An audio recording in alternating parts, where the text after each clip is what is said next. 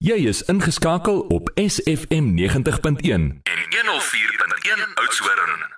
Dis 12 minute net na 10 op SFM en dit is tyd vir ons maandelikse eh, wat is my reg gesprekke met hierdie spanne van Oosthuis en Maree en die Pretoria prokureurs en vanoggend weer is my voorreg om Maurice in die ateljee te hê. Goeiemôre, welkom by ons. Baie baie dankie, lekker om hier te wees. Nou vanoggend gaan ons gesels oor uitsettings en die impak van COVID-19 en wat is my opsies indien 'n huurder versuim om sy maandelikse huurgelde te betaal. Nou Maurice, ons begin by die begin. Ek het 'n skriftelike ooreenkoms met my huurder. Die huurder hou nie by die terme daarvan nie. Wat is my opsies? Jy het 'n paar opsies tot jou beskikking waarna ek vlugtig sal verwys. Sou die huurder agterstallig wees met sy huurgelde, kan jy 1 afhangend van die terme en voorwaardes van die skriftelike huurooreenkoms kan jy onmiddellik voortgaan om die huurder te dagvaar vir die agterstallige huurgelde. Indien die ooreenkoms egter bepaal dat jy eers die huurder kans moet gee om sy kontrakbreek reg te stel, gaan jy eers daardie tydperk moet uitwag alvorens jy kan voortgaan met die uitreiking en betekening van 'n dagvaarding. Opsie 2 natuurlik is om voort te gaan met die uitreiking van 'n uitsettingsaansoek teen die huurder. Ongelukkig is dit so dat soms gebeur dat huurders vir maande lank nie gelde betaal nie. Die verhuurder word dan in wese gedwing om uitsettingsaansoek te bring teen die huurder. Jy kan ook natuurlik beide regsprosesse gelyktydig volg te weet 'n dagvaarding uitreik vir agterstallige huurgelde tesame met die bring van 'n uitsettingsaansoek. Dan ek wil voortgaan om die huurder te verwyder vanaf die huurperseel. Kan ek bloot 'n maand kennis gee dat hy of sy uit die huurperseel moet wees? Nee, ongelukkig is die proses nie so eenvoudig nie. Daar is 'n verwronge persepsie in publiek dat indien jy vir huurder 'n maand kennis gee, die huurder by verstryking van daardie tydperk mag verwyder word. In werklikheid is dit baie moeilik om onregmatige okkupeerders regmatig uit die eiendom te sit. En dis is dit baie belangrik vir verhuurders om die voorgeskrewe prosedures soos in die Paai Wet vervat noukeurig te volg. Die Prevention of Illegal Eviction Act, alom bekend as Paai Wetgewing, kan beskryf word as wetgewing wat ten doel het om sowel huurders as verhuurders se belange regtiglik tydig te beskerm. Hierdie wetgewing verbied nie net onregmatige uitsetting nie, maar ook maak ook voorsiening vir regmatige uitsetting van onregmatige okkupeerders. Die bepalinge van hierdie stuk wetgewing moet dus gevolg word alvorens jy hierdie maatreëls kan verwyder. Hierdie nagaan is verder gesels oor die uitsettingsaansoek, wat is die proses en die tydsduur daarvan. Beiers maak is musiek met Gert Couvert.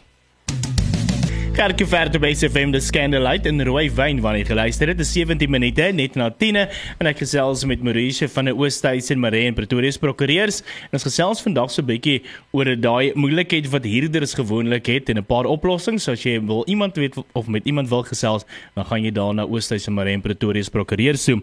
Nou Maurice, ons het nou al 'n paar punte aangeraak, maar indien ek wil voortgaan met 'n uitsettingsaansoek, wat is die proses en die tydsduur daarvan?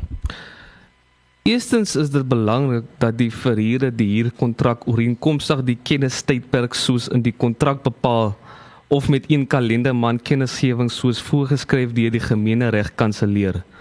'n Ex-parte aansoek, dit wil sê 'n aansoek sonder kennisgewing aan enige party, moet in die toepaslike hof gebring word om die nodige toestemming te verkry om die paai prosedures aan die gang te sit. Die aansoek word gebring by wyse van twee kennisgewings ondersteun deur 'n beëdigde verklaring. Sodra die aansoek uitgereik is, word dit deur die balie van die hof beteken op die plaaslike munisipaliteit, die huurder en enigiemand wat die eiendom in die naam van die onregmatige huurder okkupeer. Die plaaslike munisipaliteit asook die onmatige huurder moet ten minste 14 dae voor die behandeling van die aansoek daarvan kennis gegee word.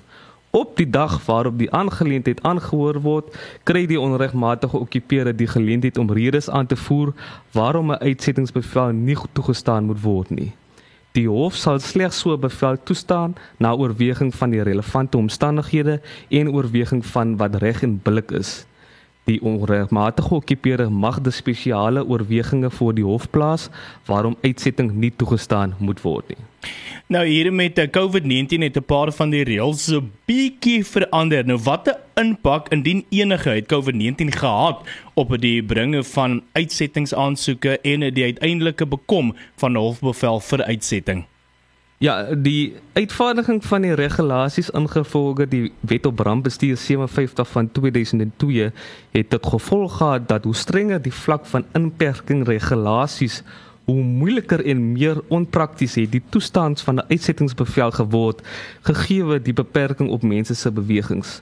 Daar was en nog steeds is 'n wanopvatting onder sekere huurders en private verhuurders dat ongeag die inperkingsvlak van die land daar 'n algemene verbod was nie net op die loods van uitsettingsaansoeke nie, maar ook die op die toestand van 'n bevel na 'n suksesvolle aansoek.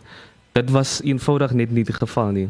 Onder die uitgevoerde regulasies kon die howe die uitvoering van 'n bevel wat toegestaan was uitstel of opskort tensy die hof na oorweging van verskeie faktore van mening is dat dit nie regverdig en billik sou wees nie. Met die aankondiging van die opheffing van die regulasies sal dit uiteraard ook 'n faktor wees wat die hof van ag sal neem in 'n beslissing rondom die uiteindelike uitvoering van so 'n uitsettingsbevel.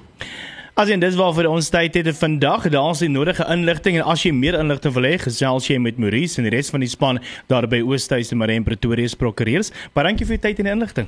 Baie baie dankie.